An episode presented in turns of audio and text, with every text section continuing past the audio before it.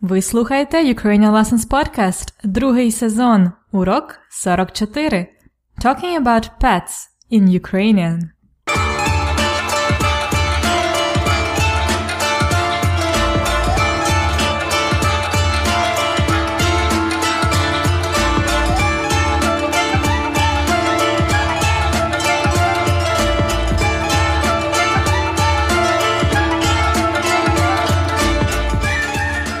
Привіт! Це Анна. Як справи? У мене все добре. Як завжди, я починаю свій короткий вільний вступ українською. Вам подобається другий сезон подкасту? Я сподіваюся, мої уроки допомагають вам вивчити українську мову і дізнаватися більше про Україну, про нашу культуру і традиції. Якщо у вас є будь-які ідеї для подкасту, для наступних уроків і, можливо, сезонів, ви завжди можете допомогти мені, пройшовши опитування на сайті. Це ukrainianlessons.com survey. Survey – це опитування. Сьогодні урок 44. Ми будемо знову говорити про множину іменників. Але цього разу на прикладі тварин. У вас є домашні улюбленці, домашні тваринки? У мене, на жаль, немає. Тому що я багато подорожую і не живу в одному місці. Але якби я могла, якби я жила у своєму будинку, я думаю, я би мала собаку. Сьогодні ви почуєте багато назв тваринок. Готові? Тоді починаємо! In my brief introduction today, I talked about опитування, a survey that you can always take if you have any suggestions for the future episodes of the podcast. Just go to ukrainianlessons.com slash survey if you'd like to say something. Then I mentioned that we're going to talk again about множина, plural, but this time we're going to practice it with the names of домашні улюбленці or домашні тваринки. Both these combinations mean pets – домашні улюбленці або домашні тваринки. Then I said that I don't have any pets because I travel a lot and я не живу в одному місці. I don't live in one place. Місці. Are you ready to start a lesson about домашні тваринки? Почнімо! Today we begin with learning some cute words, names of pets – домашні улюбленці або домашні тваринки. In Ukrainian the word for animal is тварина, а множина як буде? Тварина тварини. It's easy in plural, it's тварини. For the pets, we have a combination of words. Home animals. Home small animals. Like this. Домашні тваринки. Домашні тваринки. Тваринки are smaller animals. Тваринки. Повторіть. Singular. Домашня тваринка. Plural. Домашні тваринки. Now, what are the most common домашні тваринки? Of course, these are собака і кіт. Let's talk about those two in detail as there are quite many variations of those words. Собака is a dog. Does it sound familiar? Maybe you've heard about Chewbacca from Star Wars. His name comes from the Slavic word of собака, dog. А у множині собака. Собаки. It's easy, it's regular. But there is another word to say a dog in Ukrainian. It's a synonym. Pes. P-E-S. Пес. Повторіть.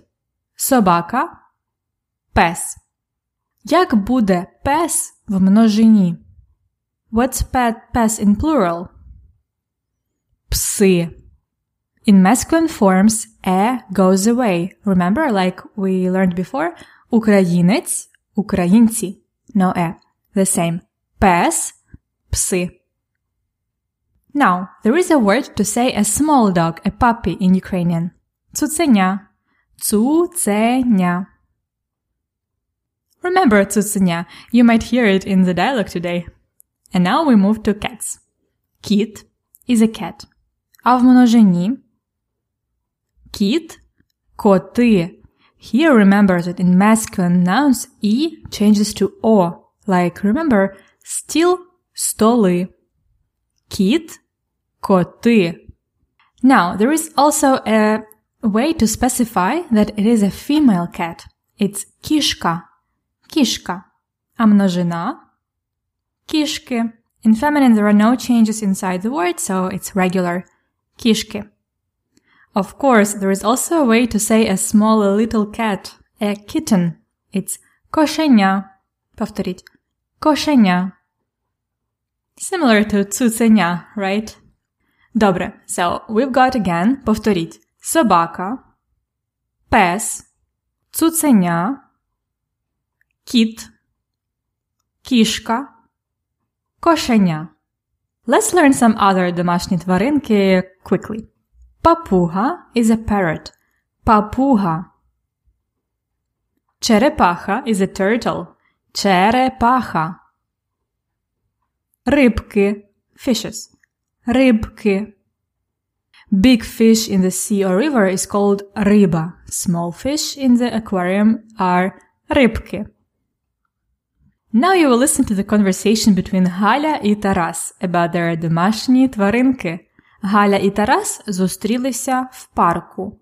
Слухайте діалог і дайте відповідь на два запитання. Два запитання. Two questions. Яка домашня тваринка є в Тараса? Яка домашня тваринка є в Галі? So what pet does Taras have and what pet does Галя have? Okay? Listen and find out. Перший раз. Привіт, Галю. О, привіт, Тарасе! Яке в тебе гарне цуценя! Дякую. Його звати Рекс. Він дуже спокійний. А яка в нього порода? Це французький бульдог. Я теж хочу собаку, але зараз у мене є тільки кішка, і скоро у неї будуть кошенята. Клас. Якої породи? Мейн-кун, сіро-біла, очі зелені, ну дуже гарна. Так, мені теж дуже подобаються мейн-куни. То, може, хочеш собі кошенятко? Навіть не знаю. Важко мати і собаку, і кота, а моя доця хоче ще черепаху і папугу. Це буде цілий зоопарк. Ага. А ще ми думаємо купити акваріум і рибки. Це теж цікаво для дитини. Так, кажуть, вони заспокоюють. Слухайте ще раз. Привіт, Галю. О, привіт, Тарасе! Яке в тебе гарне цуценя! Дякую. Його звати Рекс. Він дуже спокійний. А яка в нього порода? Це французький бульдог. Я теж хочу собаку, але зараз у мене є тільки кішка, і скоро у неї будуть кошенята. Клас. Якої породи? Мейн-кун, сіро-біла, очі зелені, ну дуже гарна. Так, мені теж дуже подобаються мейн-куни. То, може, хочеш собі кошенятко? Навіть не знаю. Важко мати і собаку, і кота, а моя доця хоче ще черепаху і папугу. Ха-ха, це буде цілий зоопарк. Ага. А ще ми думаємо купити акваріум і рибки. Це теж цікаво для дитини. Так, кажуть, вони заспокоюють. То питання один. Яка домашня тваринка є в Тараса? У Тараса є собака. Або, you can say, у Тараса є пес. It's a synonym. But actually, у Тараса є цуценя. It's a little dog, so it's цуценя. Яка домашня тваринка є в Галі? У Галі є кішка. A female cat. Добре? Let's move on to some more learning. At first, let's learn a couple of more rules for множина, plural. There is one small rule that will apply mostly to small animals, like цуценя і котеня. These are neuter nouns. To make цуценя plural, we don't change anything. Instead, we add something. We add та at the end. So цуценя in plural becomes цуценята, цуценя, цуценята. А котеня? Котенята. Повторіть. Цуценя, цуценята. Котеня, котенята. It happens with the neuter nouns that mean young little animals. For example, порося is a little pig. Порося, plural. Поросята.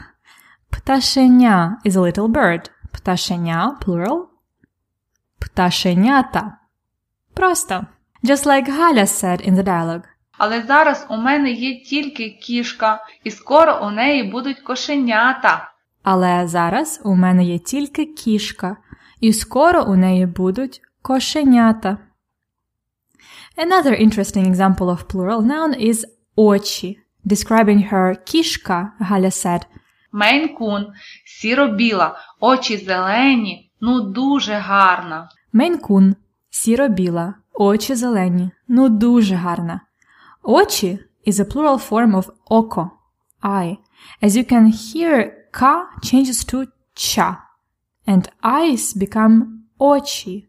So око, but очі. Just remember that око is a bit different in plural. It's очі. Let's talk more about those кошенята, kittens. Тарас said that йому подобаються мейнкуни. Тому Галя спитала, може, хочеш кошенятко? Кошенятко is a nice example of diminutive, cute form of the words in Ukrainian. Кошенятко will be a nicer, tender, cute way to say кошеня. It does sound sweet, doesn't it? Кошенятко. One of the ways to use diminutives is to add tko at the end of the neuter nouns. So if кошеня is кошенятко, what's a cuter way to say цуценя? It's цуценятко. А порося? Поросятко, a cute little pig. А дитя, дитя is a baby, a kid. Дитятко. Добре, talking about собака, кішка, кошенята, Taras says that his доця, it's a little daughter, wants to have also папуга і черепаха. А ще А ще ми думаємо купити акваріум і рибки. акваріум і рибки. Галя laughs. She says, Це буде цілий зоопарк. Зоопарк is a zoo. It's one word. Зоопарк.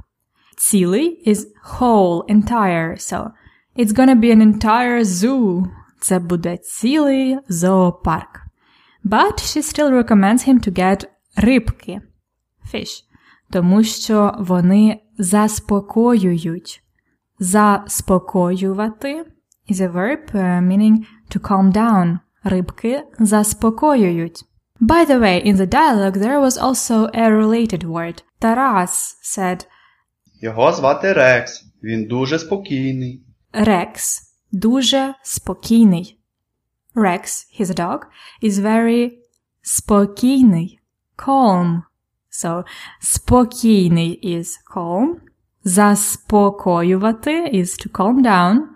Спокій is calmness. Багато нових слів, many new words. Let's put those new words together in context again and listen to the dialogue one more time. Слухайте діалог знову. Привіт, Галю. О, привіт, Тарасе! Яке в тебе гарне цуценя! Дякую. Його звати Рекс. Він дуже спокійний. А яка в нього порода? Це французький бульдог. Я теж хочу собаку, але зараз у мене є тільки кішка, і скоро у неї будуть кошенята.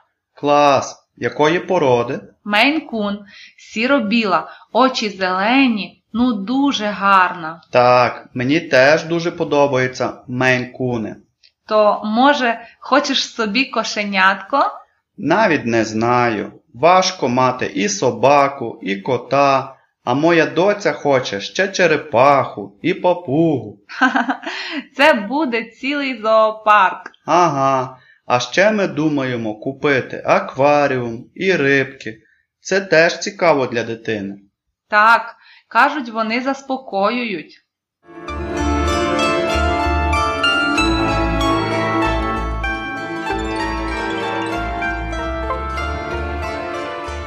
For the practice today, let's do the usual. Let's review the names of pets and put them to plural. Як сказати українською a parrot? Say aloud. A parrot – папуга. А множина – plural. Папуги. Як сказати українською a little fish? Рибка. А множина – Рибки. Як сказати українською a dog? Two ways.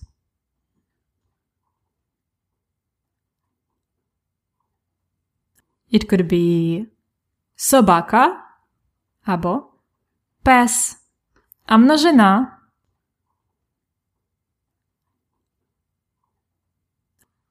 собаки, пси.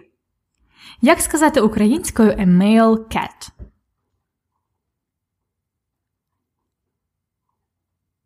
Кіт. А множина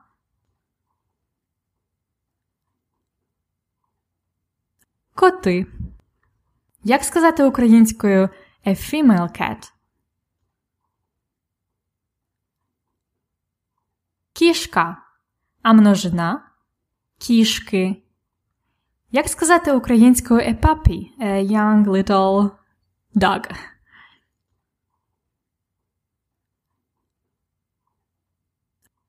Цуценя. А множина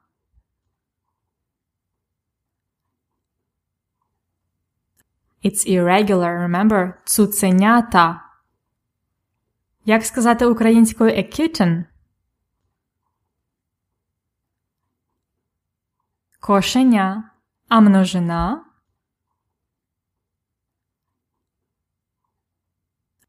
Кошенята. Чудово! As always, you can learn more useful words for pets in Ukrainian and practice with a bonus exercise in the lesson notes of today's episode.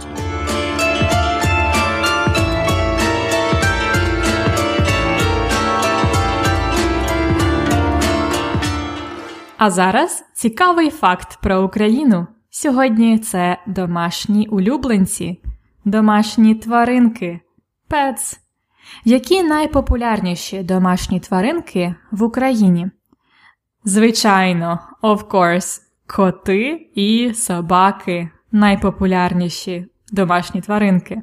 But the style of keeping домашні тваринки is different, depending on whether you live in a village, small town, or a big city like Kyiv, Lviv, Kharkiv. In a smaller town or village, собака и кит usually hang out outside. Собака is important for protecting a house, saying hav hav hav as loud as possible. And uh, all, usually собака also has its small wooden house outside. Kit looks for myshi, mice, and hunts for them. However, of course, in the big cities, собака и коты are very beautiful and clean animals. But they're quite lazy. By the way, do you know some other sounds of animals in Ukrainian, like hav hav? we have an article about those sounds in Ukrainian Lessons blog. Head over to ukrainianlessons.com slash Ukrainian dash animals dash sounds. ukrainianlessons.com slash Ukrainian dash animals dash sounds. Check it out!